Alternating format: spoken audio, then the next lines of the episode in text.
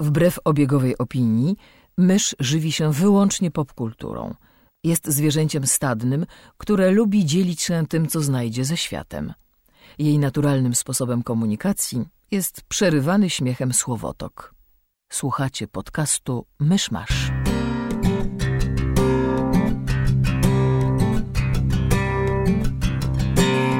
Gospodarzami podcastu Myszmasz są Krzysiek Sera, redaktor portalu Aval. Kamil Borek ze studia Kobart. i Mysz, autorka bloga Mysza Mówi. Drodzy słuchacze, jest poniedziałek, 11 lipca 2016 roku, urodziny George'a Armaniego i E.B. White'a, autora książki Stuart Malutki. Zapraszamy do 141 odcinka podcastu Myszmasz.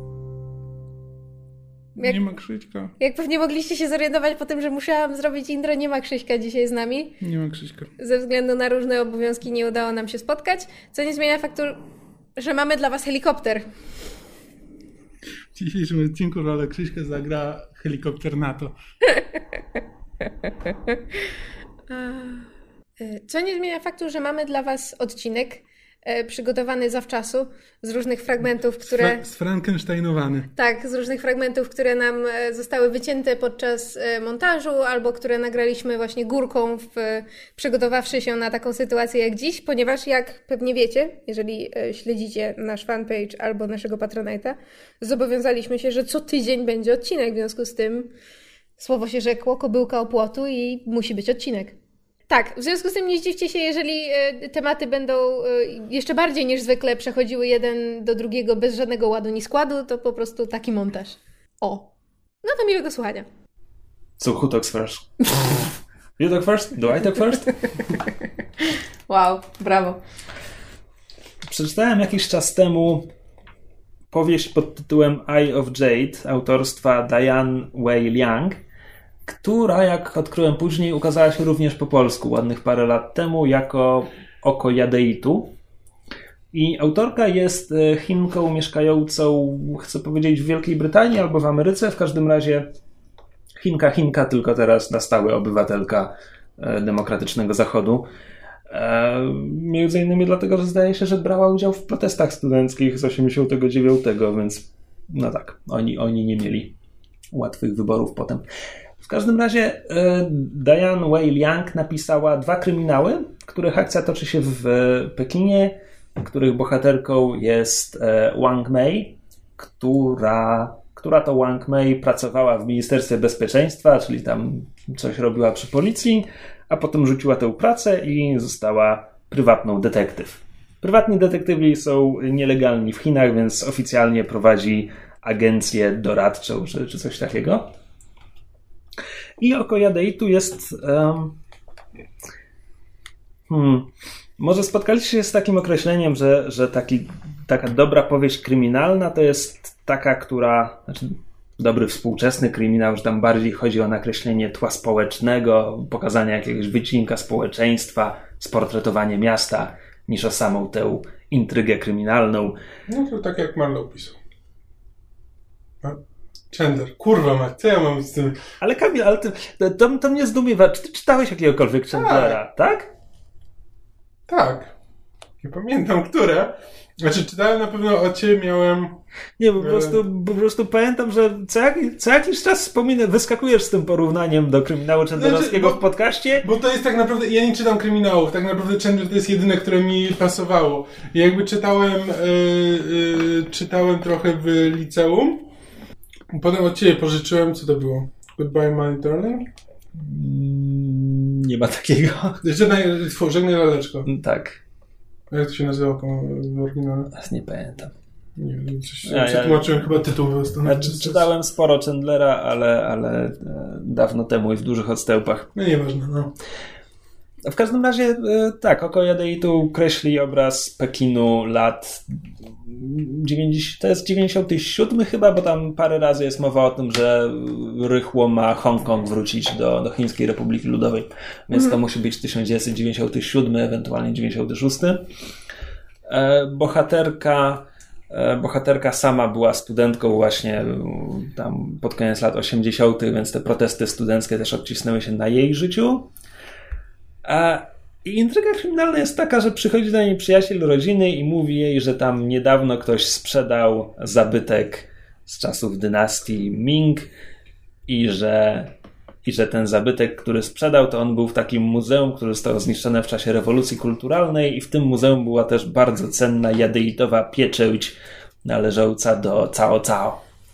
I że jeśli ona odnajdzie tę pieczęć, to on, on ma on ma klienta, który jest w stanie za nią zapłacić tam jakieś grube, grube pieniądze, dziesiątki tysięcy juanów.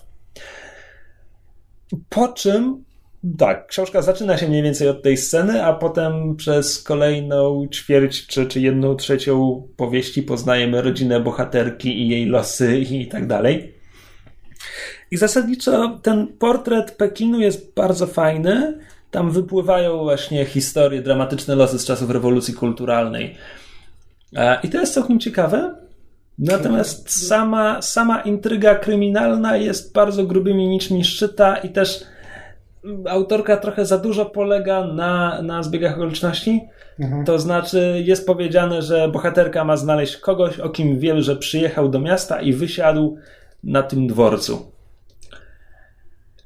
I ona idzie i w okolicach dworca wchodzi do, wchodzi do hostelu, gdzie pyta, gdzie tu można dobrze zjeść i recepcjonistka jej mówi, a tam pracuje mój syn, idź powiedz mu, że ja już tutaj muszę zamykać.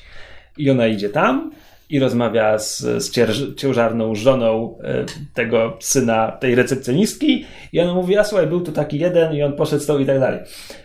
Pekin to jest miasto, kil, tam jest kilkanaście milionów ludzi. Tam z pociągów mm. codziennie y, dziesiątki, jeśli nie setki tysięcy ludzi wychodzą, a ona idzie jakby z całego świata ze wszystkich, e, ze wszystkich e, knajp z makaronem ona weszła akurat do tej knajpy z makaronem. No, tak. e, no i to jest, to jest strasznie naciągane, niestety. A potem ostatecznie książka się skończyła i, i długo musiałem składać, o co tak do końca chodziło w tej intrydze kryminalnej, bo tak nie do końca to załapałem. Ale to tło, to tło społeczne, te przemiany w Pekinie E, to są całkiem fajnie nakreślone. Mamy też, ona się spotyka, e, Wang Mei spotyka się ze swoimi znajomymi z czasów studiów i oni teraz mają 8 lat później, zasadzie, że bohaterowie są w naszym wieku mniej więcej e, i właśnie konfrontują te ich ideały z czasów hmm. studiów z tym, jak, jak się dzieje w rzeczywistości, kto, nam, kto jeszcze pracuje dla partii wytrwale, kto poszedł w prywatny biznes i, i tak dalej. To jest bardzo fajne. takie bardziej wątki obyczajowe rozwinięte. Tak, tak, to jest tak. Bardzo, bardzo, bardzo. Koreańskie dramy mają coś takiego. Mm-hmm. Z Myszą tłumaczy, tłumaczyliśmy sporo koreańskich dram i tam niezależnie od gatunku, czy to jest jakby taki główny jakby czy główna intryga to jest bardziej właśnie kryminalna, czy komedia romantyczna, czy no, w szpitalu to wiadomo, że to jest bardziej obyczajówka, ale to wszędzie jakby główne jakby zawsze przejmują fabułę wątki obyczajowe i wątki właśnie poznawania kolejnych postaci i relacji między nimi. Znaczy wiesz, no, tutaj jeszcze na dodatek, o czym zresztą blurb z tyłu okładki informuje, ta, ten wątek kryminalny okazuje się być dość ściśle związany z losami rodziny Wang Mei, tak. więc to jeszcze ta, ta drama się splata z tym wszystkim. E, natomiast to jest też ciekawe ze względu właśnie na to, ile tam jest o rewolucji kulturalnej, która wydaje mi się, że w Polsce nie jest nie jest tak dobrze znana, jak powinna być.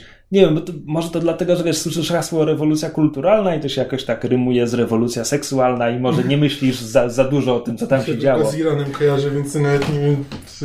No, a to, a to jest ta skala wydarzenia. Jakby rewolucja kulturalna w Chinach zrobała życie kilku pokoleń, e, to, był, to była taka rewolta starych przeciwko młodym, młodych przeciwko starym, przepraszam, Zapełdziłem się.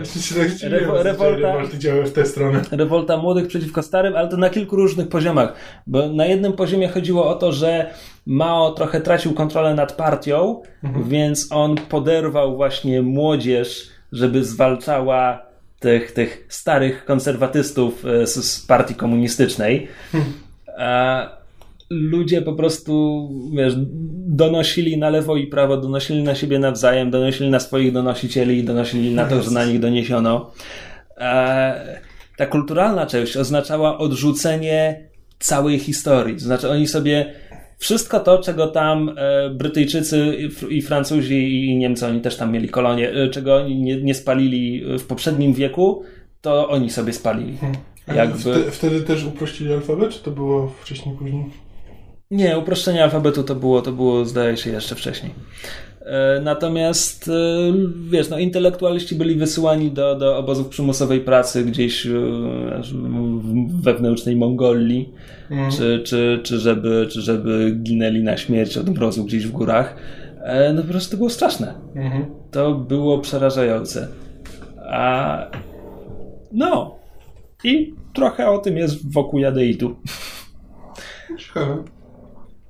No, a to jest... Dobrze się to czyta? Tak dobrze, dobrze, szybko. Nie mam pojęcia, jak wyszło polskie tłumaczenie, bo nawet nie wiedziałem, że było. E, to jest, to jest kolejna e, powieść, którą przeczytałem po angielsku, bo była za parę złotych w księgarni Prusa. E, no, ale na same dobre rzeczy tam trafiam na razie. Jakiś czas temu mogliśmy oglądać piloty nowych seriali różnych stacji i wśród nich znalazł się pilot nowego serialu Frequency, który jest adaptacją filmu z 2000 roku, jeśli się nie mylę, z Denisem Quaidem i Jimem Caviezel, Caviezelem, Caviezelem w rolach głównych pod tym samym tytułem. E, I jakby w, w serialu będziemy mieli młodą, e, z tego co wiem, policjantkę e, i jej ojca, natomiast w oryginale, w filmie Frequency, który właśnie sobie ostatnio obejrzałam, bo jakby wielokrotnie go widziałam okładkę, kiedy pracowałam w wypożyczalni, natomiast nigdy, nigdy po film nie sięgnęłam. Film opowiada o um, policjancie, którego gra Jim Caviezel, który w pewnym momencie przez przypadek, w związku z tym, że są jakieś zupełnie niespotykane um, ten jak się nazywa Aurora Borealis po polsku? Zorza polarna. Zorza polarna, dziękuję. Zorza. e, tak, zorza polarna. E, jakoś to wpływa na, na fale radiowe, w związku z tym on niechcący może się porozumiewać przez um, ham radio, to jest... Krótkofalówka? Chyba tak. No takie systemy komunikowania, jakie mają um, trackerzy na przykład, kierowcy ciężarówek. Mm, radio sobie. O tak, radio sobie, dziękuję. Albo CB, nie wiem. Tak, e, w każdym razie przez takie radio może się komunikować ze swoim ojcem. Do tego służy radio. Jego ojciec nie żyje. Do tego nie służy radio. There you go. Jego ojcem, który zmarł kilkanaście lat wcześniej i się okazuje, że oni się jakby komunikują przez czas. Prawda? Ojciec jest tam w roku nie pamiętam którym, 60, którym, 70, którymś chyba, a syn jest jakby współcześnie, czyli w latach 2000. E, no i jakby są, są wątki rodzinne, ponieważ prawda, ten ojciec zmarł, e, ojciec był e, strażakiem, zmarł, prawda, ratując czyjeś życie i w związku z tym syna wychowywała samotnie matka. On oczywiście ma w związku z tym różne emocjonalne problemy, bo prawda, tatuś, tatuś zmarł i, i, i go nie było. E, natomiast y, to się wszystko toczy na tle um, śledztwa, które prowadzi ten nasz młody, młody policjant Jim, Jim Caviezel. Um, I to jest tak, że znajdują ciało um, kobiety, która prawdopodobnie była ofiarą e, tak zwanego The Nightingale, Nightingale Killer, to na cześć Florence Nightingale, ponieważ zabijał głównie pielęgniarki. E, I i jakby to jest sprawa przed właśnie kilkudziesięciu lat. To znaczy, on był aktywny wtedy, kiedy, kiedy ten, um, ojciec. ten ojciec żył, a kiedy ten, ten, ten nasz główny bohater był jeszcze małym chłopcem. E, w związku z czym to jest wszystko tak bardzo powiązane. E, I tak jak mówiłam, Jim Caviezel gra tego, tego policjanta, tego naszego głównego bohatera. Dennis Quaid gra jego ojca w przeszłości. I muszę powiedzieć, że jestem miło tym filmem zaskoczona. To znaczy, on jest. Bardzo często ludzie go wymieniają jednym tchem z szóstym złys... z, z, złysłem. Szóstym złysłem. to Bruce Willis. On złysł. A, a, a. Um, z szóstym zmysłem. No, łys, łysł? A, Złysiał? Złysł. Złysł? Nie, nie. Okay. I get it. I e, ludzie go właśnie wymieniają często jednym tchem z szóstym zmysłem, bo on ma troszeczkę taki podobny klimat. To znaczy, to jest film, który bardzo umiejętnie operuje napięciem. Nie ma takiego wielkiego twistu na koniec. Ma pewien niewielki, o którym e, powiem za moment. E, natomiast bardzo dobrze operuje nakie- na, na, na. Kurwa, co się dzieje? Napięciem. Bardzo dobrze operuje napięciem. E, I fajnie łączy takie właśnie wątki obyczajowe z takimi wątkami em, śledztwa i też elementów y, troszeczkę nadnaturalnych, chociaż nigdy, nigdy na, za bardzo nie wchodzi w to, dlaczego nasi bohaterowie mogą się porozumiewać przez te radio i nie wchodzi w kwestię tych zórz polarnych. E, jest bardzo dobrze zagrany film. Ta fabuła rzeczywiście fajnie, fajnie się roztacza. Co prawda, ten nasz główny bohater jest tym takim typowym, e, prawda, e, styrany życiem policjant, co to mu się właśnie związek z, z dziewczyną rozpadł i on właściwie żadnego, żadnej przyszłości dla siebie nie widzi i... i, Już i pije, czy dopiero zaczyna? Tak, i, i, i pije. E, z kolei jakby... W, Czy, czy na pewno fabuła się roztacza? Krajobraz się roztacza. roz, roz, Toczy? Nie, w sensie, że... Przedstawia? Rozwija. Roz, rozwija, może rozwija. Po, po, po, podejrzewam, że jakieś angielskie słowo mi się tu, tu nałożyło, jakieś, nie wiem. Fabuła całkiem sympatycznie się płoży. tak. Pełza. Żwawo. Um, natomiast to, co mnie zainteresowało, to jest um, jakiś czas temu, kiedy omawialiśmy finał Flesha e, drugiego sezonu, rozmawialiśmy na temat e, właśnie linii czasu, znaczy tego, jak bardzo em, serial ma w ma nosie, tak, w nosie e, kwestie tego, jak działają podróże w czasie i jak nawet biorąc pod uwagę, że tam są te alternatywne, prawda, wymiary, że, że pewne, pewne rzeczy jakby pewne rzeczy nie mają konsekwencji, albo mają idiotyczne konsekwencje. E, I w Frequency jest bardzo podobnie, to znaczy em, tutaj troszeczkę zespoiluję finał filmu, em, znaczy bo jakby em, oprócz tego, że prawda, panowie się ze sobą komunikują, no i to jest wielkie, prawda, halo, no bo prawda, em, m- mój ojciec dawno temu zginął, a ja się tu komunikuję z moim dorosłym synem, który mi mówi, że, że właśnie zginę. On potem nie ginie, bo syn go poinformował, więc zmieniają przyszłość, więc jest takie trochę back to the future że, że właśnie on mu mówi, e, syn, ponieważ jest współcześnie, w związku z tym za każdym razem, kiedy powie coś ojcu i ojciec się inaczej zachowa w przeszłości, teraźniejszości coś się zmienia, w związku z tym, kiedy, kiedy em, syn mówi ojcu, nie idź tam, bo tam zginiesz i on tam nie idzie i nie ginie, to syn potem z kolei w teraźniejszości widzi, że jego ojciec owszem przeżył ten wypadek, ale kilka lat później umiera na raka, bo strasznie pali papierosy, w związku z tym on mówi nie pal papierosów. I tam każde, każde jakby, każde działanie, każde, ka- każda informacja, którą ten syn prze, przekaże ojcu, ma jakiś wpływ na fabułę. No i oni postanawiają rozwiązać to, to, to, to morderstwo, od którego się zaczyna film tego właśnie Nightingale Killer, ponieważ on zaczął em, działać kiedy, za czasów ojca, w związku z tym syn, mając w teraźniejszości informacje, pomaga ojcu w przeszłości go, prawda, złapać. A przynajmniej próbują to zrobić. Problem polega na tym, że finał toczy się jakby jednocześnie, to znaczy jest jakieś takie dziwne sprzężenie w czasie do tego stopnia, e, że w finale dochodzi do takiego momentu, że ten, ten nasz zabójca główny atakuje e, naszego bohatera w teraźniejszości i ojca w przeszłości. I ojciec w przeszłości mu na przykład odstrzela dłoń, przez co w teraźniejszości nagle ta dłoń zaczyna mu po prostu atrofizować i mu znika. I potem w przeszłości ten, ten, ten zabójca ucieka, a w teraźniejszości, w momencie, kiedy ten zabójca już ma zabić tego syna, nagle znikąd pojawia się ojciec i go zabija z dubeltówki. Czekaj, bo w, co? tak, bo w tej, w tej rzeczywistości, której oni już któraś po raz któryś zmienili, ten ojciec przeżył do momentu, kiedy ten zabójca atakuje tego syna. Problem w tym, że wyobraź sobie teraz tego ojca. On przez cały ten czas musiał trzymać w tajemnicy to, że synu, ja z tobą rozmawiałem i za kilkanaście lat zaatakuje cię facet, bo ja to słyszałem przez radio i ja go wtedy za...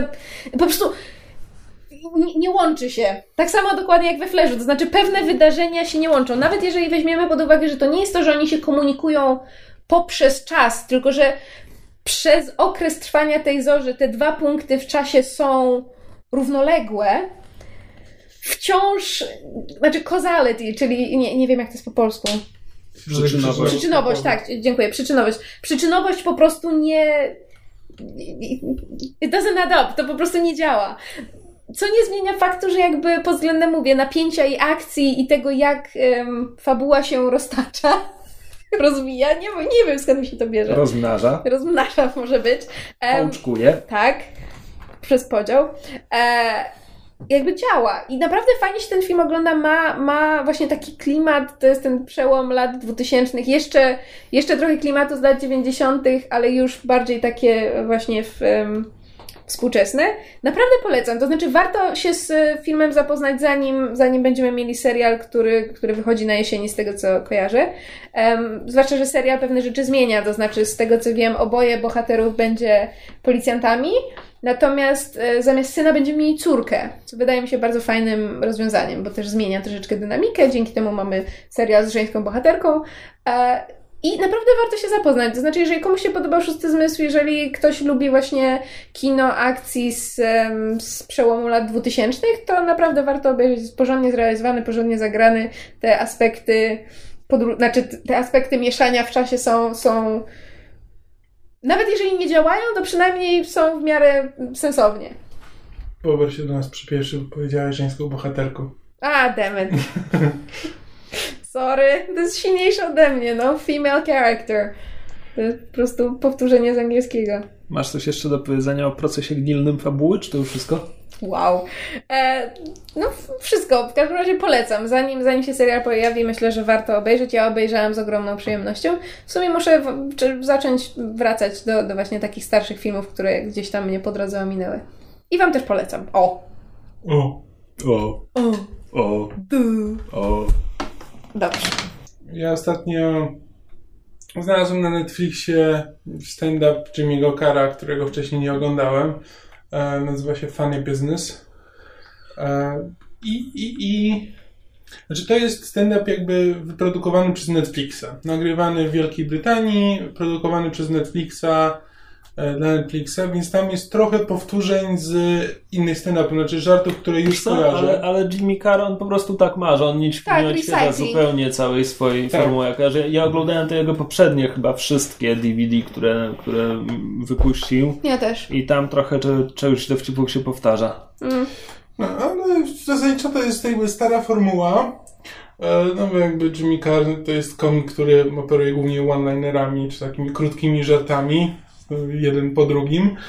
E, Ale jest też, jest też parę fajnych takich segmentów, gdzie on na przykład ludzie, e, e, ludzie jakby SMS-ami przysyłają żarty i one są puszczane jakby na dużym ekranie za nim.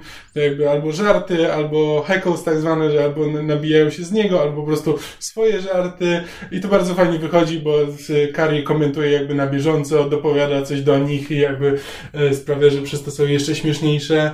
W którymś momencie wdaje się jakby w może nie w pojedynek, bo to seria pojedynków z właśnie heklerami, że po prostu na żywo z publicznością ktoś tam krzyczy do niego, wiesz, typu zgwałciłem twoją matkę, a Jimmy Carr na to odpowiada coś, no, jak to, jak to Jimmy Carr ma zrywać. No, jeśli ktoś e, nie... Niech ktoś zatrzyma tę karuzelę śmiechu. Tak, no, jeśli, Ja jeśli ktoś nie widział, jeśli ktoś nie widział e, stand-upu Jimmy'ego Carra, no to to brzmi dziwnie, ale no, on ma po prostu taki humor, że to jest po prostu e, to jest dosyć To, to jest, to jest z, jednej, z jednej strony to jest makabryczny, czarny humor, ale z drugiej strony on ma, to anglosasi nazywają deadpan delivery, a ja nie bardzo wiem jak, o, jak to przełożyć na polski, że on z pokerową twarzą to Tak. wszystko wygłasza. Poza tym on jakby zdaje sobie sprawę, znaczy to nie jest tak, że bo jest sporo takich komików, których ja bardzo ciężko znoszę, to znaczy, którzy jakby e, Są bucami. Znaczy są bucami tak, że jakby że nie obchodzi mnie polityczna poprawność i jakby robią to swoją, mi, że ich misją jest to, żeby kogoś urazić, że bo, bo oni mają do tego prawo i tak dalej. Natomiast Jimmy Carr jakby zdaje sobie sprawę z tego, że prawdopodobnie kogoś urazi, nie ma zamiaru za to przepraszać, ale też jakby wielokrotnie e,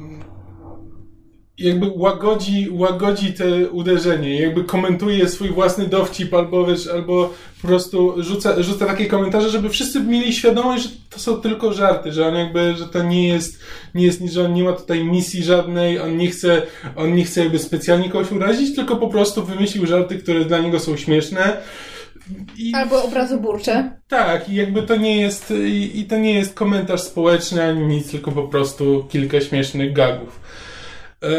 I, I to akurat, to akurat fajnie wychodzi, że jakby to jest wrażliwy człowiek, który ma makabryczne poczucie humoru. I to, to, to, to, to działa. No to dla mnie działa, że... Znaczy, jakby... Kar, Kar ma dwie rzeczy, które mi przeszkadzają. Jedna to jest taka, z której on sobie... Znaczy, on z obu sobie zdaje sprawę i on o, o obom, obiema jakby gra, to znaczy on je wykorzystuje. Jedna to jest jego śmiech.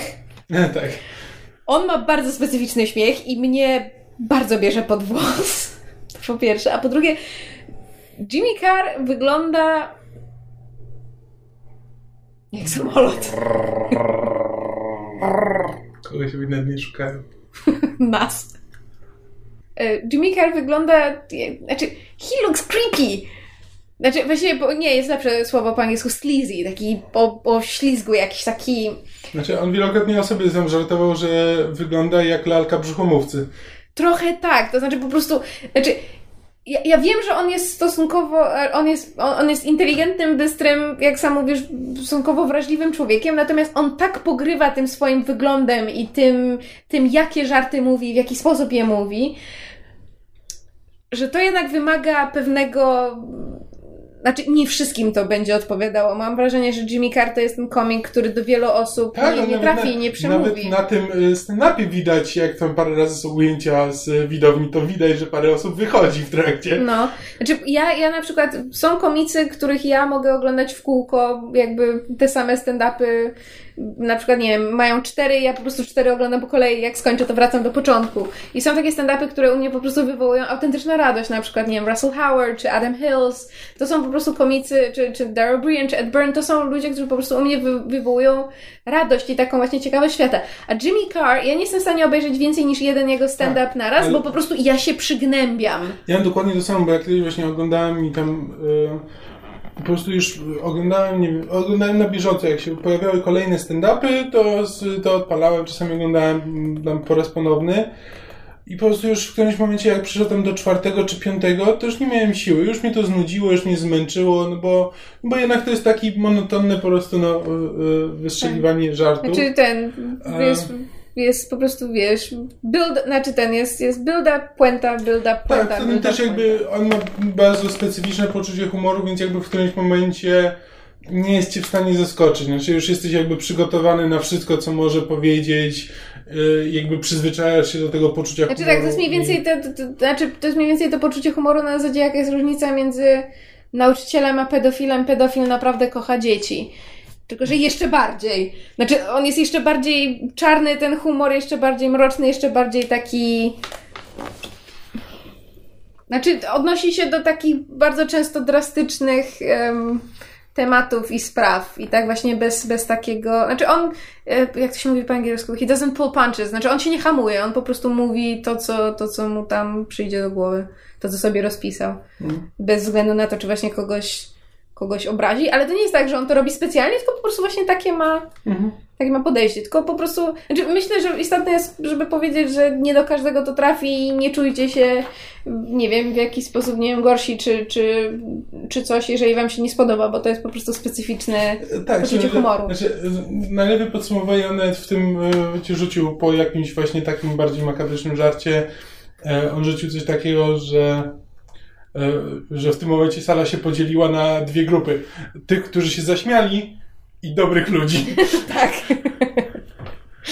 Tak, w związku z tym ja zawsze kończąc stand-up kara, kończę się właśnie czując, czując, się, czując się złą osobą, bo parę razy się zazwyczaj zaśmieję i część z tych dowcipów jest śmieszna przez to, że jest makabryczna, albo jest makabryczna przez to, że jest śmieszna. To jest bardzo połączone. W związku z tym to nie jest feel good stand-up, ale myślę, że warto, warto oglądać. Natomiast ja bardzo lubię, jak Jimmy Carr występuje w różnego rodzaju tam programach brytyjskich rozrywkowych, bo jakby to jego makabryczne poczucie humoru się wtedy równoważy, bo jakby też wychodzi z niego to taka bardziej ta żyłka improwizacji, ta taka właśnie bystrość i to, że on potrafi, wiesz, na, na szybko coś zaimprowizować, no bo właśnie jego stand-upy to są po prostu, wiesz, rozpisane, wy, wy, wy, ten, wyćwiczone teksty, natomiast jak on jest w jakichś programach rozrywkowych brytyjskich, typu, nie wiem, QI czy coś takiego, no to to jest, wiesz, wszystko na prędce wymyślane i wtedy to z niego wychodzi bardziej właśnie ta, też taka wrażliwość i to takie e, social commentary, jakoś to mam wrażenie, że on lepsze wrażenie wtedy sprawia. Tak, no i właśnie znam z kilku panel show właśnie typu tam 8 out of 10 Cats, e, czy właśnie z Kiwaja i tam tak. No. On potrafi jakby, on potrafi być śmieszny, nie będąc też e, bulwersującym. Tak. Jest taki piękny klip do zobaczenia na YouTubie, bo 8 out of 10 Cats ma też taki własny spin-off 8 out of 10 Cats Does, Does Countdown, Countdown. gdzie ekipa 8 out of 10 Cats bierze udział w programie Countdown, który jest takim teleturniejem, takim bardzo typowym Znaczy, ala TVP2, tak, tak, tak, tak, tak, wielka gra i tak dalej. E, I tam, tam zawsze jest zadanie matematyczne i kiedy to jest właśnie, kiedy, kiedy to jest 8 out of 10 cards, to jest countdown, Jezus Maria, to jest długi tytuł, e, to Jimmy Carr zawsze robi wszystko, żeby rozproszyć swoich uczestników.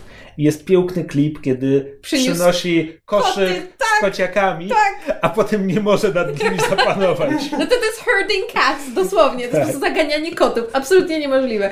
I Kocham masz, ten i masz Jimmy'ego Carra, który przez minutę próbuje łapać koty biegające po biurku. Tak, więc polecamy obczaić, jak Jimmy Carr łapie koty. Tak. No. Zakładając, że to jest odcinek sklejkowy, to nagle pojawia się Ocean Soul znikąd. Wild Ocean Soul appears. Tak właśnie, jest ten. Cześć. Bardzo, bardzo efektywna. E, O czym chciałaś ze mną porozmawiać? Otóż, nie wiem czy pamiętasz, rok temu przeszło, poleciłeś mi jedną grę ja w nią wtedy zagrałam raz. Stwierdziłam, że jest fajna, po czym ją odłożyłam, a teraz sobie o niej przypomniałam i zaczęłam w nią grać dużo, dużo razy. Ale nie, nie ma co tak owijać w bawełnę, mowa- bo będzie spis treści do Tak. odcinka i tam i tak będzie E. napisane, że rozmawiamy o 80 Days. Tak, mowa o 80 Days, yy, grze luźno opartej na w 80 dni dookoła świata, To jest Werna. jakby 80 dni dookoła świata Werna przepisane na nowo kilkadziesiąt razy. Tak, to, to jest e, gra z, jeśli się nie mylę, 2014 roku, przy czym najpierw wyszła na urządzenia mobilne, rok później wyszła dopiero na komputery Jakoś tak. i, i zrobiło to Studio Inkle, które składa się z jakichś dwóch panów, których nigdy, ich nazwisk nigdy nie pamiętam, którzy zatrudnili jako scenarzystkę Meg Giant i Meg Giant napisała tam, nie wiem, 60-70%, bo ci, oni, ci dwaj też jakby trochę pisali tutaj. E, A pisanie jest ważne, bo gra składa się w 85% z tekstu. Tak jest. e, Są takie, nie wiem, statyczne animacje, czy jak to nazwać. No są po prostu plansze, gdzie Jakby no, widzimy rzeczy, ale to nie jest ważne. 85% gry to jest po prostu. Czytanie tekstu. E, tak, interna- interaktywna powieść, w której możemy klikać. Gra odpowiednio- paragrafowa. Znaczy nie do końca, bo tutaj, tutaj na przykład dojeżdżasz do nowego miasta i zaczyna się jego opis i w połowie zdania nagle się urywa, bo, bo na przykład narrator, czyli paspartu, czyli służący pana Foga, który, który powziął ten zakład, żeby objechać świat dookoła w 80 dni, e, paspartu opisuje, że zobaczył statki stojące w porcie i ich wysokie maszty skojarzyły mu się i tutaj nagle wybierasz, Tak. wybierzasz, czy wybierzesz, masz wybrać, czy skojarzyły mu się z lasem bretońskim, a może z żełdami pik trzymanych przez wojowników i wybierasz dosłownie to takie porównanie, które ma dwa, trzy słowa, nie mając pojęcia, do czego to może doprowadzić. Może się okazać, że to doprowadzi cię tylko do końca tego zdania i dalej nic, a może się okazać, że nagle wskakujesz w jakąś nitkę fabularną Tak. tylko dlatego, że kliknęłaś to, a nie to drugie. Tak, więc teoretycznie, znaczy wcielamy się w postać właśnie paspartu, czyli sługi pana Foga, ale w tekście, Znaczy, który... ja, bym, ja bym dyskutował, bo tak naprawdę gracz tutaj jest. On się nie, gracz nie do końca wciela się w paspartu, gracz jakby odpowiada i za paspartu, i za Foga. Tak, przy czym Fog jest Fog dużo jest bardziej niezależny. Tak. Could you be any cuter talking at the same time? w tych segmentach tekstu często jest tak, że no Fok coś robi i my tylko możemy na to zareagować. No i musimy się nim też oczywiście opiekować, dbać o jego zdrowie Tak, i no tak bo tutaj dalej. jest jeszcze te pozostałe 15% gameplayu, które sprowadzają się do wybierania trasy, bo świat składa się tam z 200 iluś punktów przesiadkowych. Miast, ale czasami to są jakieś wsie, czy dosłownie Porty, no cokolwiek, wysepka na tak. środku oceanu, gdzie tam staje jeden, jeden pijany marynarz. To zdanie Jest, nie ta, miało jest sensu. stacja meteorologiczna na północ od Kanady, gdzie siedzi jeden człowiek na przykład. Tak, tak, odwiedźcie ją koniecznie. Tak, ale wcześniej idźcie na biegun, to będziecie mieć bardzo fajny wątek fabularny. E, I, I wybieramy drogę między tymi punktami, przy czym e, trasy, które możemy wybrać, są nam odkrywane pomału. To albo musimy kupować mapy i, i rozkłady jazdy, albo w rozmowach czasami to, to wynika. Tak, albo eksploracja miasta. Tak, bo tutaj jakby też w ramach tych pozostałych 15% gameplayu jest zarządzanie zasobami, pieniędzmi, e, stanem zdrowia względnie samopoczucia pana Foga, e, czasem, czas jest bardzo ważny oczywiście, bo to jest wyścig, było nie było. E, Możemy kupować jakieś rzeczy na bazarach, żeby sprzedawać je w innych miastach i być może przy okazji. Zarobić, tak. E, Jest tam zawsze lina ratunkowa w postaci wizyty w banku, gdzie po prostu możemy dobrać pieniądze, tylko to kosztuje nas wiele dni i tak dalej. To jakby te 15% one niby tworzą rozgrywkę, ale są bardzo mało istotne. Cały urok tej gry jest, jest w tekście, bo ona jest świetnie napisana. Jest, wydaje mi się, dosyć mocno nieliniowa, przynajmniej jeśli nie zagra się w nią więcej niż tam, nie wiem, pięć razy. A nawet Może- Nawet jadąc tą samą trasą można wybierać inne opcje, więc... Y, To po pierwsze, po drugie, ta gra ma mały element losowy. To znaczy, każda twoja rozgrywka jest tam w pewien sposób. e, No to jest trochę generowane proceduralnie, które opcje będą nawet nie tyle Dostępne. dostępne, bo ja nagle, mm, żeby, żeby się przygotować do tego, y, parę dni temu usiadłem i rozegrałem kolejną e, partię. Wyprawę. Po raz kolejny usiadłem do lektury, tak. E, Po raz pierwszy od paru miesięcy. I nagle ta, ta głupia pierwsza podróż e, z Londynu do Paryża, którą prawie zawsze trzeba podejść, bo z Londynu rozpoczynając grę masz tylko dwie trasy do wyboru. Albo do Paryża, albo do Cambridge. Znaczy na początku gry tylko do Paryża, żeby móc jechać do Cambridge trzeba chyba co najmniej raz ukończyć grę, jak nie więcej. No to tym bardziej, tak. W każdym razie, no więc tę podróż Londyn-Paryż odbyłem ileś, no Wern jest tam zawsze. Nie, nie jest zawsze. Nie jest zawsze? Nie jest zawsze. No widzisz, jakie zaskakujące rzeczy ty mi mówisz. W każdym razie zmierzam do tego, że ta podróż dla mnie zawsze wyglądała tak samo, a tutaj nagle grając w to po raz w tym momencie chyba ósmy, y, wyskoczył mi początek wątku fabularnego Czarnej Róży, y, który zresztą zrealizowałem przy poprzednim przejściu gry, ale wtedy nie miałem tej sceny w tym momencie. Okej. E, tak, więc e, nie do końca rozumiem tę losowość, więc, więc, to, więc to nie jest tak, że wątek Czarnej Róży, który jest bardzo fajny i bardzo go polecam, A gdzie on się zaczyna? E, No najwyraźniej może się zacząć w drodze do Paryża, a Okej. konkretnie się zaczyna e, za- zazwyczaj, kiedy wypływasz z Nicei, pojawia się taka pasażerka Mademoiselle Estelle i trzeba się jej trzymać. Okej. To jest wszystko, co powiem. Jest kilka takich większych wątków fabularnych, które można by Jest wyróżnić. dużo tych, wątków, tych dużych wątków. Jakby ja wciąż jestem przekonany, że wciąż nie odkryłem połowy tego, co się kryje w tej grze. Tak, no bo też świat jest ogromny, no i wiadomo, jeśli pojedziesz bardziej, nie wiem, w tą północną częścią, no to nie zobaczysz niczego na południu i odwrotnie. Nie wiem, czy na przykład przejeżdżałeś kiedyś przez Afrykę, ponoć w Afryce jest jakiś bardzo fajny wątek. Ja przez Afrykę co najwyżej wracałam, No właśnie więc miałam tylko wątek z otruciem. E, To, to, jest, to jest bardzo fajne, bo możesz trafić na taki długi wątek fabularny i się go uczepić jak, jak e, rzep psiego ogona i doprowadzić go do końca. I to jest ciekawe doświadczenie. Natomiast jeśli stwierdzasz, ale, ale ja miałam zaplanowaną trasę i zignorujesz ten wątek, to też, też jest ciekawe, bo to jest gra o podróży i to jest bardzo często gra o tym, że no jest miło, ale, ale musimy jechać dalej i to wszystko zostaje za tobą. I to jest zresztą, i to jest argument, który ukradnę od mądrych ludzi z Cool Ghost, bo ja nie jestem na tyle mądry, żeby coś takiego wymyślić. E, To pozwala twórcom właśnie wprowadzać bardzo dużą wielowątkowość, bo prawie nigdy nie muszą się przejmować konsekwencjami. Ojej, doprowa- doprowadziłeś e, paspartu do wybuchu rewolucji w tym mieście. musimy już jechać. Nie zobaczymy, co z tego będzie. E, oczywiście niektóre wątki potrafią wrócić. Tak. I to tak w zaskakujących momentach, miastach. tak, no więc, no więc ja skończyłem tę grę już w tym momencie 8 razy. Gra mi liczy. I zarówno podróże, podczas których trafiałem na długi wątek fabularny i realizowałem go w pełni, to zawsze byłem usatysfakcjonowany i to było bardzo fajne, ale również te podróże, w których skakałem i tam jakieś drobne przygody miałem w różnych miastach, ale nie było żadnej większej fabuły, one też są fajne, po prostu w zupełnie inny sposób. Tak, bo dzieją się nieprzewidziane rzeczy. Właśnie zaplanujesz sobie trasę z punktu A do punktu B, bo nie wiem, masz coś, co chcesz koniecznie tam sprzedać, a w połowie trasy wykoleja się pociąg, albo y, ktoś zestrzelił nas sterowiec i siedzieliśmy dwa dni w wodzie, czekając aż przyleci następny i nas uratuje, albo Tak, zepsuła jest- się machina krocząca w drodze na biegun i siedzieliśmy chyba dwa tygodnie w śniegu, prawie ponosząc śmierć. Na przykład. E, To, to jest kolejny przykład tej losowości. Tam jest taki wątek, że e, kiedy podróżujesz e, powozem czy czymkolwiek, jakimś małym naziemnym pojazdem, mogą cię dopaść podniemni piraci. Przylatuje sterowiec piratów i cię porywa. I to mi się zdarzyło dwa razy. Jakby ten sam wątek, ci sami piraci po mnie przylecieli na dwóch różnych trasach, w Okej. dwóch częściach kontynentu. Więc to też jest w ten sposób jakby przetasowywane, to co może się wydarzyć.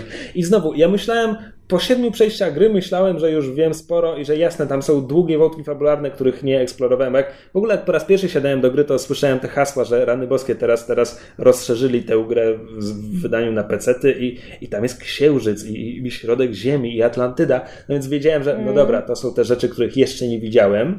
Ostatnio widziałem Atlantydę. Aha, osiągnięcie, achievement. E, Natomiast byłem przekonany, że już zasadniczo, że większość tych drobnych przygódek, że to już widziałem, no bo mimo wszystko podróżowałem przez te miasta już parę razy. No i teraz gram po raz ósmy i trzy czwarte tego, co się wydarzyło, było dla mnie kompletnie nowe. Czy porwała cię latająca wioska Indian? E, tak, miałem Okej. kiedyś. To w tym, co opisałem na myszmaszu, to, to się wydarzyło. No tak, więc teraz przyszedłem grę po raz ósmy i e, spotkałem kapitana Nemo i odwiedziłem Atlantydę. Nie miałem, wiedziałem o Atlantydzie, nie miałem pojęcia, że kapitan Nemo jest w tej grze. To jeszcze kolej transsyberyjska i tam powinno się dużo. No ja nawet, ja nawet Orient Expressem nigdy nie przejechałem całej trasy, więc myślę, że tam też coś może się wydarzyć. Agata Christie.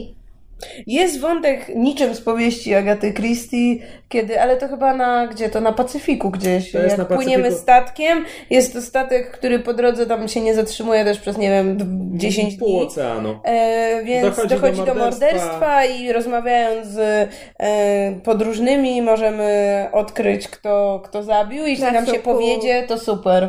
Tak, ja, ja mam tylko jedno zastrzeżenie, bo to, nie, to niestety jest na Pacyfiku. Pacyfik jest wąskim gardłem w tej grze i są tam tylko trzy czy cztery trasy przez niego Ja prowadzące. dopiero raz tędy jechałam. No, no to nie wiem, to, to ja No, chyba nie jak potrafię jedziesz, grać w jedziesz tę grę. przez biegun, jedziesz przez Dobra, no jakoś... okej, nie liczę biegunu jako podróży przez Pacyfik. Nie No podróżujesz przez jak- Pacyfik, idąc przez biegun. Tak, ale jadąc na przykład przez Australię też jedziesz zupełnie E, tak. inną trasą. No, Tak, to ostatnio to odkryłem. Natomiast jeśli jedziesz przez Azję, jakąkolwiek, północną czy południową, to zazwyczaj albo na to trafisz, albo pojedziesz tą drugą trasą.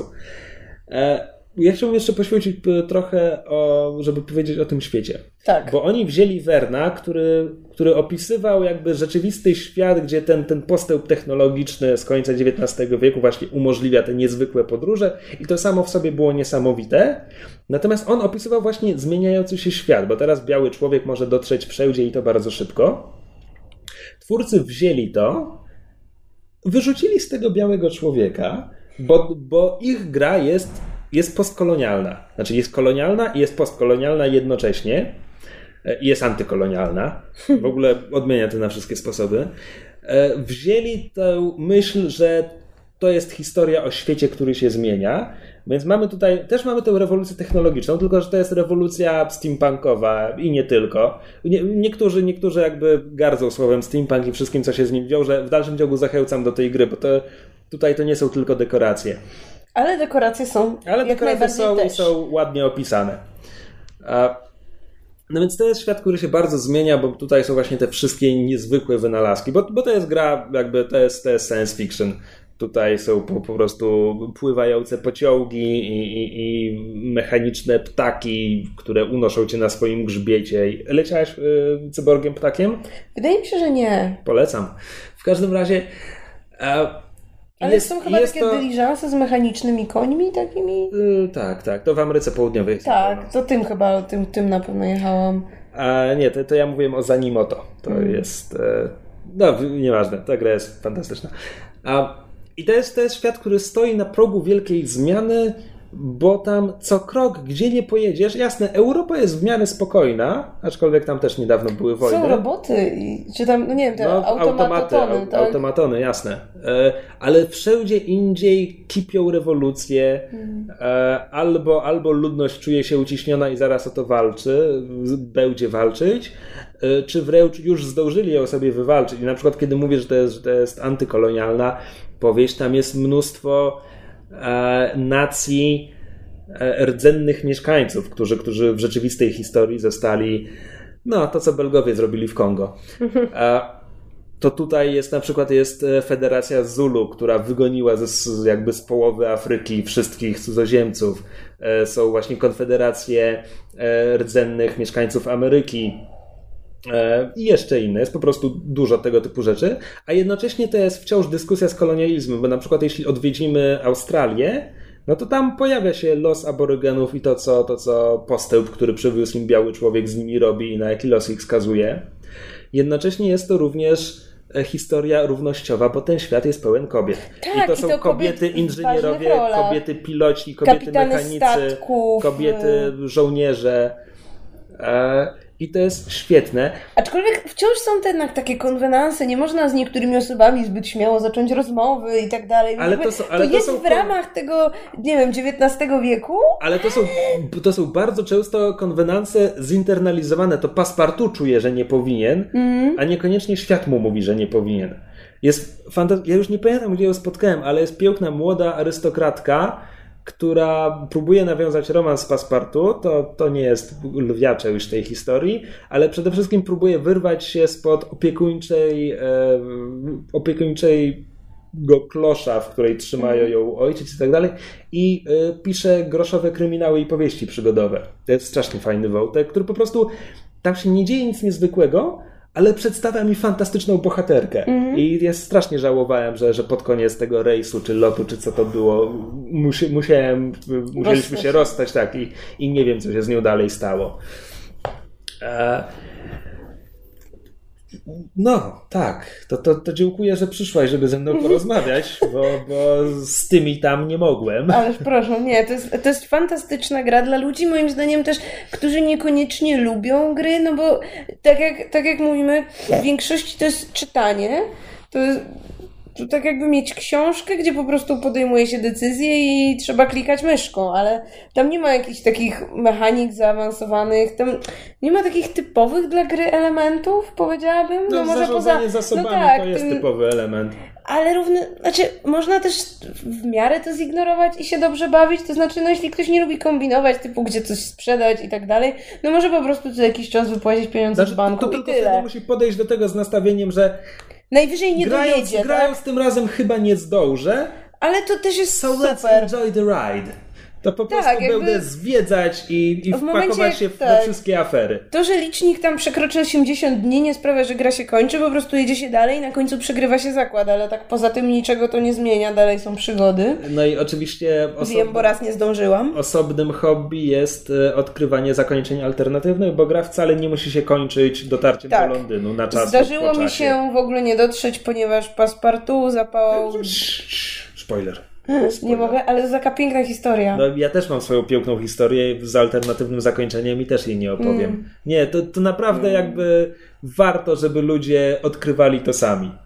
Już i tak myślę, że powiedzieliśmy za dużo o tym, co, co ta gra kryje, ale kryje mnóstwo rzeczy i wciąż. Pewnie jeszcze połowy nie odkryliśmy.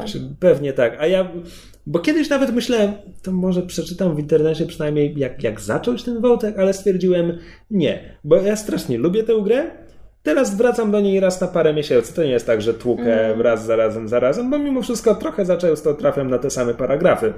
E, ale wiem, że będę do niej wracał jeszcze długie lata, właśnie tak na zasadzie co jakiś czas i może kiedyś dotrę do jądra Ziemi, a może nie. I na księżyc. I na księżyc tam też. Jeszcze raz dziękuję, że przyszłaś i porozmawiałaś bardzo. o tym. To właśnie. 80 Days. Warto, kosztuje Polecamy. pieniądze, chyba 20 zł na gogu. No ja zapłaciłam jeszcze, bo był w jednym Humble Bundle, więc może więcej ludzi go ma. Był taki Humble Bundle Storytelling i tam, nie wiem, za parę dolarów to było i jeszcze parę podo- podo- podobnie, że powiem, fabularnych gier. No, to polecamy. Polecamy. O, mysz, ty też tu jesteś. Ty też polecasz. Ja też przyszłam, żeby nie porozmawiać o tej grze. Powinnaś spróbować. Dobrze. Nie, e, zwłaszcza, że ostatnio I ta gra chodzi Aha, na wszystkim. Ten, ten, ten segment pójdzie asynchronicznie do naszych regularnych odcinków, ale kiedyś mówiłaś w podcaście, że właśnie trafiłaś w internecie na jakieś gry paragrafówki Dragon's Choice czy coś tam. Tak, Jeśli znaczy Dragon's Choice jara- było pierwszą, którą przeszłam, teraz przechodzę, przeszłam Vampire 20 Stories i razy coś Choice of the Vampire, a teraz przeszłam pierwszą część em, Choice of Romance, romansuję na hiszpańsko-fantastycznym dworze z magią i zaraz się będę zabierała moimi dziesięcioma postaciami do części No drugiej. znowu, jeśli, jeśli takie interaktywne powieści cię jarają, zdecydowanie spróbuj, daj szansę 80 Days. Prędzej czy później pewnie E, dam. Kamil ma, bo wiem, że on to kiedyś kupił, zagrał raz i nie docenił, więc Uuu. Dobrze. wiem, wiem, nie taś. szansę. Mam dwie książki e, losowo przypadkowe, to znaczy one pochodzą z wymiany książek. Bo poszedłem na wymianę książek, oddałem coś, czego kompletnie nie byłem w stanie czytać i wymieniłem na coś, co przeczytałem, czyli już sukces. E, I to są dwa tytuły. Pierwszym są Serca, dłonie, głosy autorstwa Iana McDonalda. E, O tym autorze już mówiłem w podcaście. Jest autorem Domu Derwiszy, który czytałem i paru innych rzeczy, które ukazały się u nas, których nie czytałem, takich jak Rzeka, Rzeka Bogów, Bogów? Brasyl, to się tak nazywa? Brasy, Dni Cyberabadu. Tak, i teraz niedawno Luna się ukazała. Luna Nów, to jest pierwszy, pierwszy tom cyklu. Właśnie, więc to jest brytyjski autor e, science fiction i jego taki myk polega na tym, że zawsze czy prawie zawsze osadza akcje e, w państwach e, z rozwijającą się gospodarką, czyli no umówmy się, trzeci świat i przyległości. No dobra, niekoniecznie Brazylia, Indie to jest drugi świat, a może nawet już pierwszy. Zawsze mi się myli. E, I Serca, Dłonie, Głosy są jedną z jego pierwszych powieści.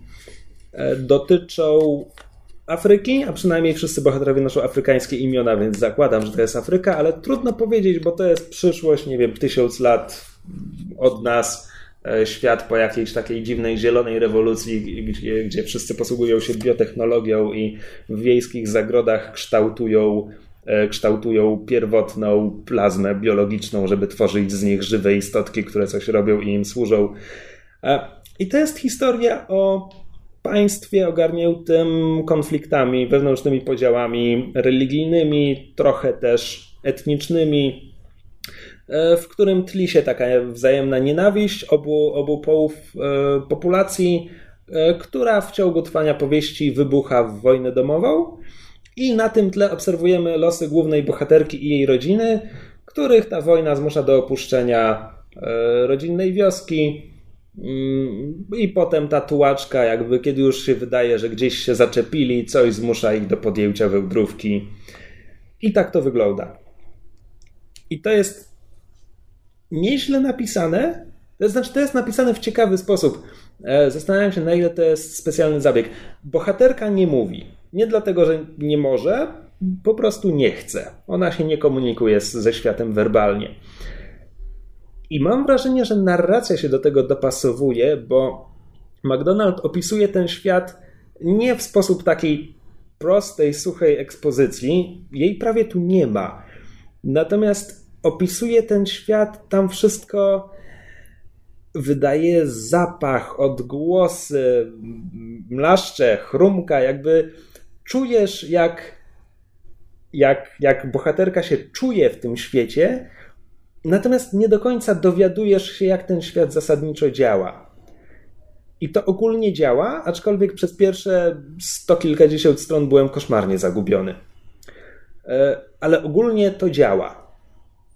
Po czym to mi się trochę nie składa w całość, bo dosłownie na ostatnich 30 stronach pojawia się taki zrzut ekspozycji, kompletnie niepotrzebny moim zdaniem.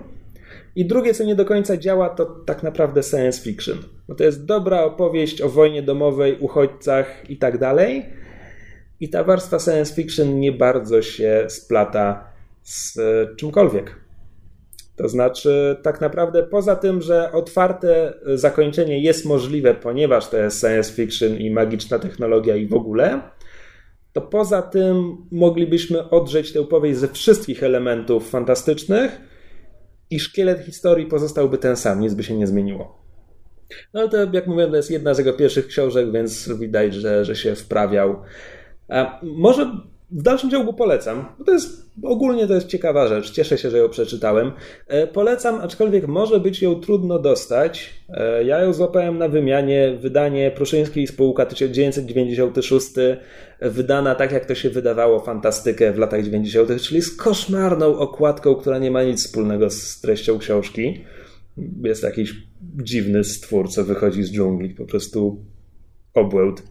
Zero sensu. E, i chyba nigdy nie była wznawiana. Nie była wznawiana. Właśnie, więc może być problem. Ale zgaduję, że jakiś e, anglojęzyczny e-book można łatwo dostać. Ewentualnie te późniejsze książki McDonalda, jeśli kogoś ogólnie zainteresowała koncepcja. No tak, ale to jakby próbuję polecić tę konkretną. No tę konkretną może być naprawdę trudno dostać. Tak właśnie. Mogę komuś pożyczyć, jakby co. A nie, że już ci pożyczyłem. To straciłem. Nie możesz już nikomu tak. pożyczyć. Nie mam w rękach egzemplarza. E, a drugą rzeczą z, z, tej, z tej samej wymiany jest zbiorek opowiadań Król w żółci autorstwa e, Roberta W. Chambersa, jeśli nie przekroczyłem nazwiska, e, po którą sięgnąłem, bo miałem ją na, swoim, na swojej liście od lat, od naprawdę wielu lat. Zasadniczo z jednego powodu. To znaczy, wiedziałem, że Chambers, a zwłaszcza Król w Żółci, inspirował Lovecrafta. I to było wszystko, co wiedziałem. A to nie jest też e, Król w Żółci, to nie jest True Detective? No, w True Detective były odniesienia do Króla w Żółci, tak. Bo to, to było właśnie to, co mi zadzwoniło. Co zresztą nawet jest wymienione tutaj na okładce, przez co zacząłem się zastanawiać, z którego roku właściwie jest to wydanie. To jest wydawnictwo, hmm, czy to ma się czytać jako CAT czy CNT? CNT. Tak no to to jest no. wydawnictwo CNT Toruń, o którym szczerze mówiąc wcześniej w życiu nie słyszałem. Natomiast tutaj na ostatnich stronach są inne ich pozycje i wygląda na to, że oni się specjalizują e, w grozie i horrorze z, z końca XIX wieku. Znaleźli niszę. Znaleźli niszę, niewątpliwie tak. No i to jest wydanie z 2014. Nie wygląda. Co? Czemu? No wygląda jak bardziej z lat 90. też. No nie wiem, jakoś tak. Jeśli chodzi o fonty, jeśli chodzi o, nie wiem, jakoś. Skoro tak mówisz, ja nie zwracam aż tak uwagi.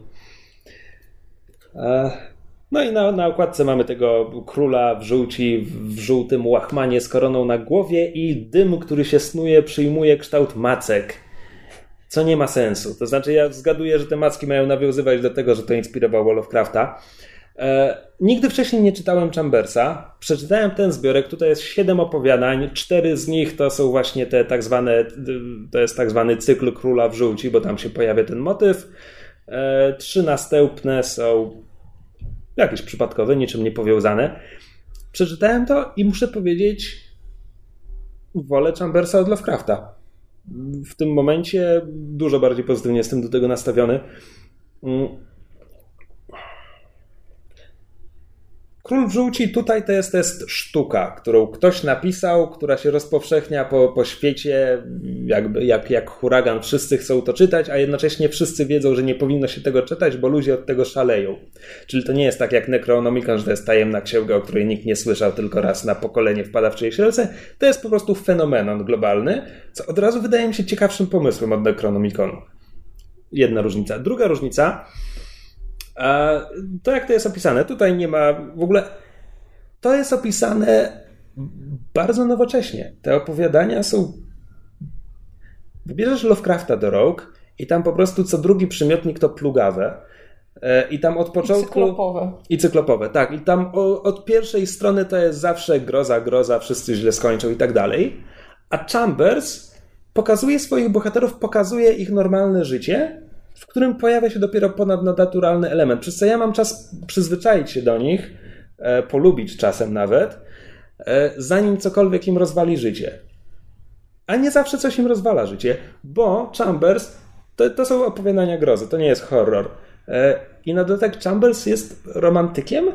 Niektóre z tych opowiadań mają happy end. Niektóre z nich są o, o miłości silniejszej niż śmierć. E, I Chambers jest na dodatek e, psiarzem, ewidentnie, bo tutaj psy są chyba w każdym tekście i są strasznie fajnie opisane. Zdecydowanie entuzjasta psów to pisał. Ale czekaj, to sugeruje, że każde opowiadanie jest inne. To bardzo nie brzmi jak Lovecraft. E, tak, znaczy te, pier te pierwsze cztery są powiązane, bo pojawia się w nich sztuka Królów Żółci, aczkolwiek w dwóch z nich ona tak naprawdę nie gra prawie w ogóle roli, tylko że opowiadania rozgrywają się w świecie, w którym Król Żółci jest znany. E, a każde kolejne jest, jest trochę inne. E, nie ma tego schematu fabularnego, gdzie jak już przeczytałeś trzy, to już dokładnie wiesz, jaki schemat będzie w każdym kolejnym, w którym momencie coś się wydarzy. Nie, nie aż tak dokładnie, aczkolwiek są, są schematyczne, jakby możesz się domyślić, który bohater rozmawia z duchem i to się okaże w końcówce, że dla Boga rozmawiałem z duchem. E, to, to nie jest jakby... No znowu, to było napisane, nie wiem, 130 lat temu E, może, może wtedy te klisze nie były tak, tak rozpowszechnione. E, ponieważ to było napisane 130 lat temu, no to też e, tutaj są twardzi męscy bohaterowie, a panie są wybrankami serca i, i wzdychają. Tutaj nie ma szczególnie ciekawych postaci kobiecych, znaczy są, są piękne i czułe i opiekuńcze i kochają czystą miłością od pierwszego wejrzenia i do tego się sprowadzają. To jest jeden, że tak powiem, no widać, że pisał to człowiek sprzed 100 lat z hakiem. E, drugie jest opowiadanie, e, jak on się nazywa po polsku, bodajże księżycowy starzec. I to jest tak bardzo Yellow Peril. To znaczy są tajemniczy, groźni Chińczycy w kanadyjskich lasach i co oni tam robią i są groźni i tajemniczy i źli. I są w Kanadzie. Samo opowiadanie jest bardzo fajne.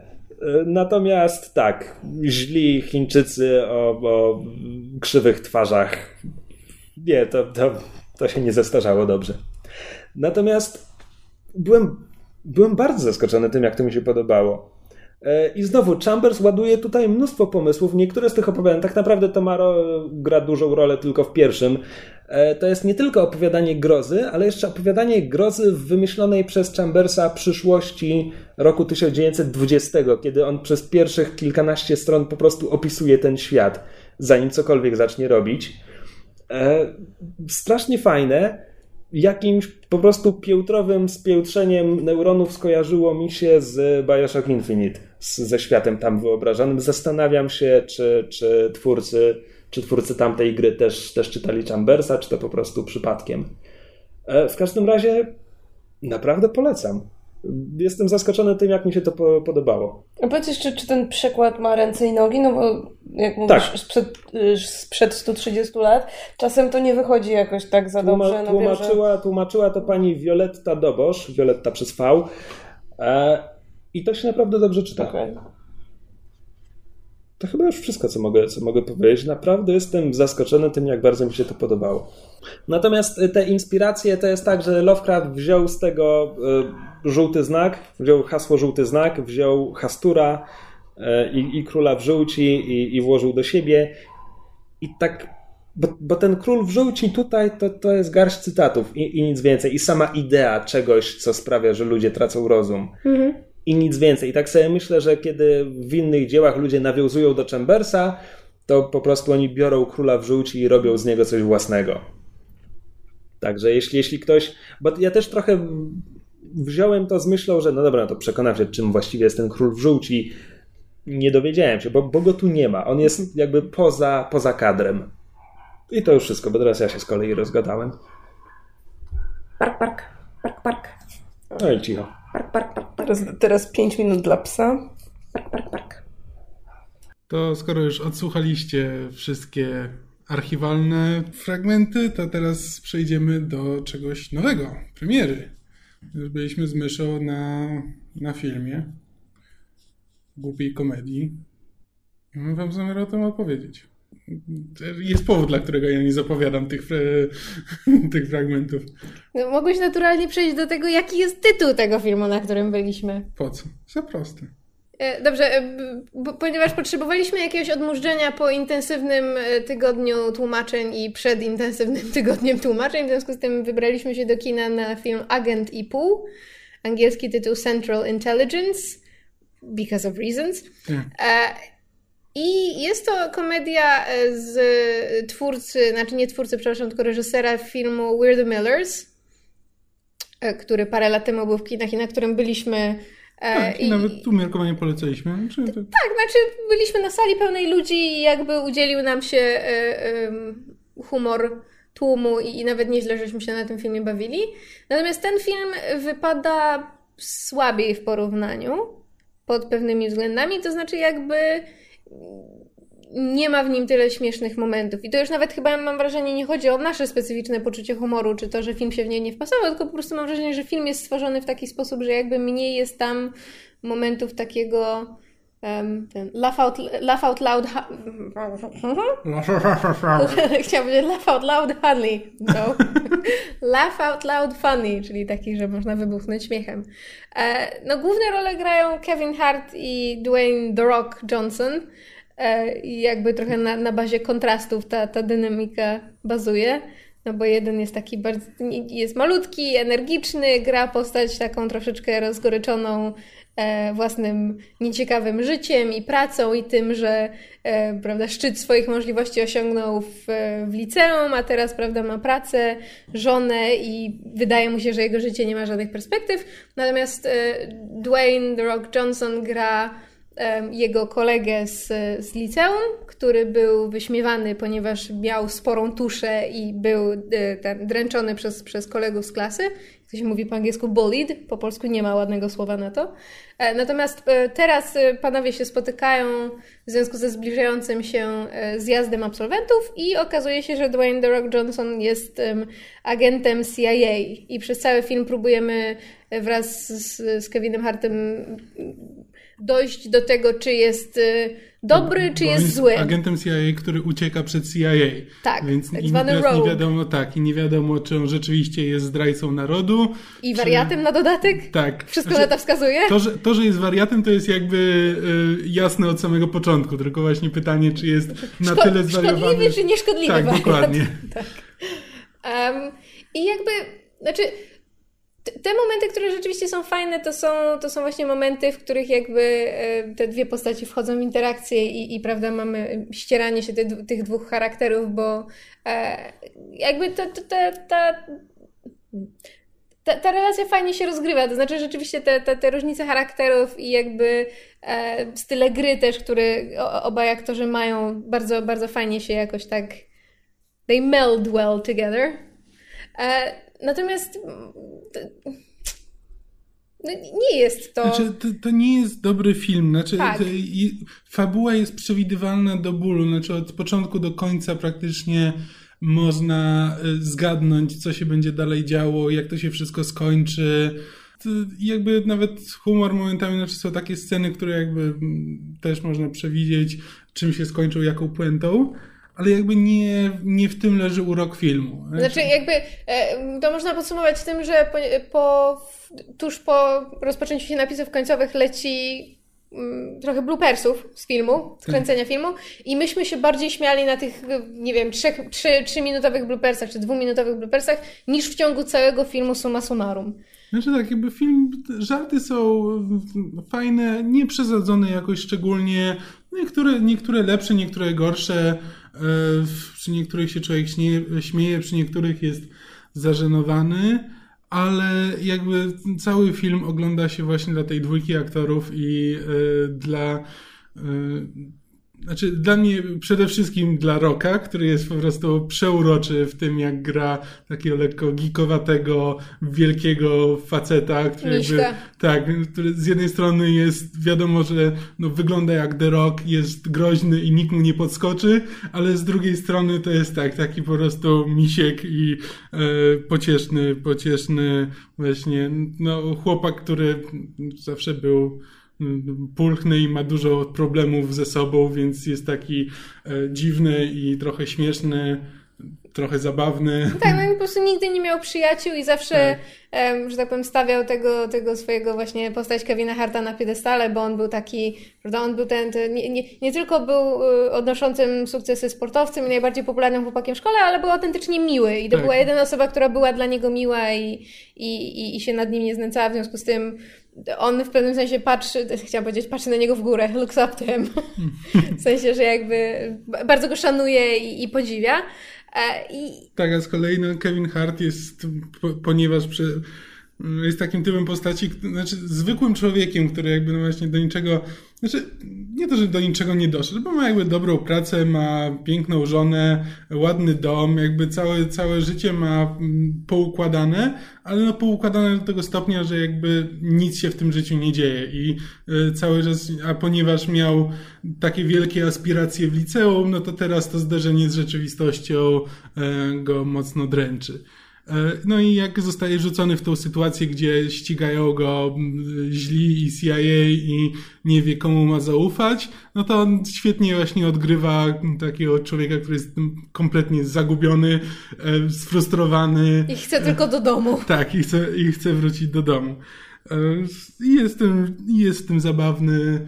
I też no, on ma taki bardzo charakterystyczny styl. Tak, on ma taką energię. Tak, taką taki trochę, trochę przesadzony, ale mimo wszystko jakby nie miałem wrażenia, że to się męczy. Znaczy to nie jest ten styl, który często przejawiają bracia Wayans. Znaczy bracia Wayans jak grają to, jak oglądam ich za długo, to mam ich trochę dosyć. Znaczy co, ja widziałam parę filmów z Kevinem Hartem i ja mam wrażenie, że on tutaj jakby, nie wiem czy ktoś mu kazał, czy on sam spuścił z tonu i po prostu, albo może po prostu tak naturalnie mu wychodziła chemia z z The Rockiem, ale on to sporo stonował, to znaczy on, mhm. on, on potrafi być jeszcze bardziej tak, taki, wiesz, tak. hiperaktywny i nadpobudliwy i, i, i wrzaskliwy, a tutaj to było naprawdę na, na znośnym takim w miarę realistycznym poziomie, no po prostu ten, ten typ tak ma.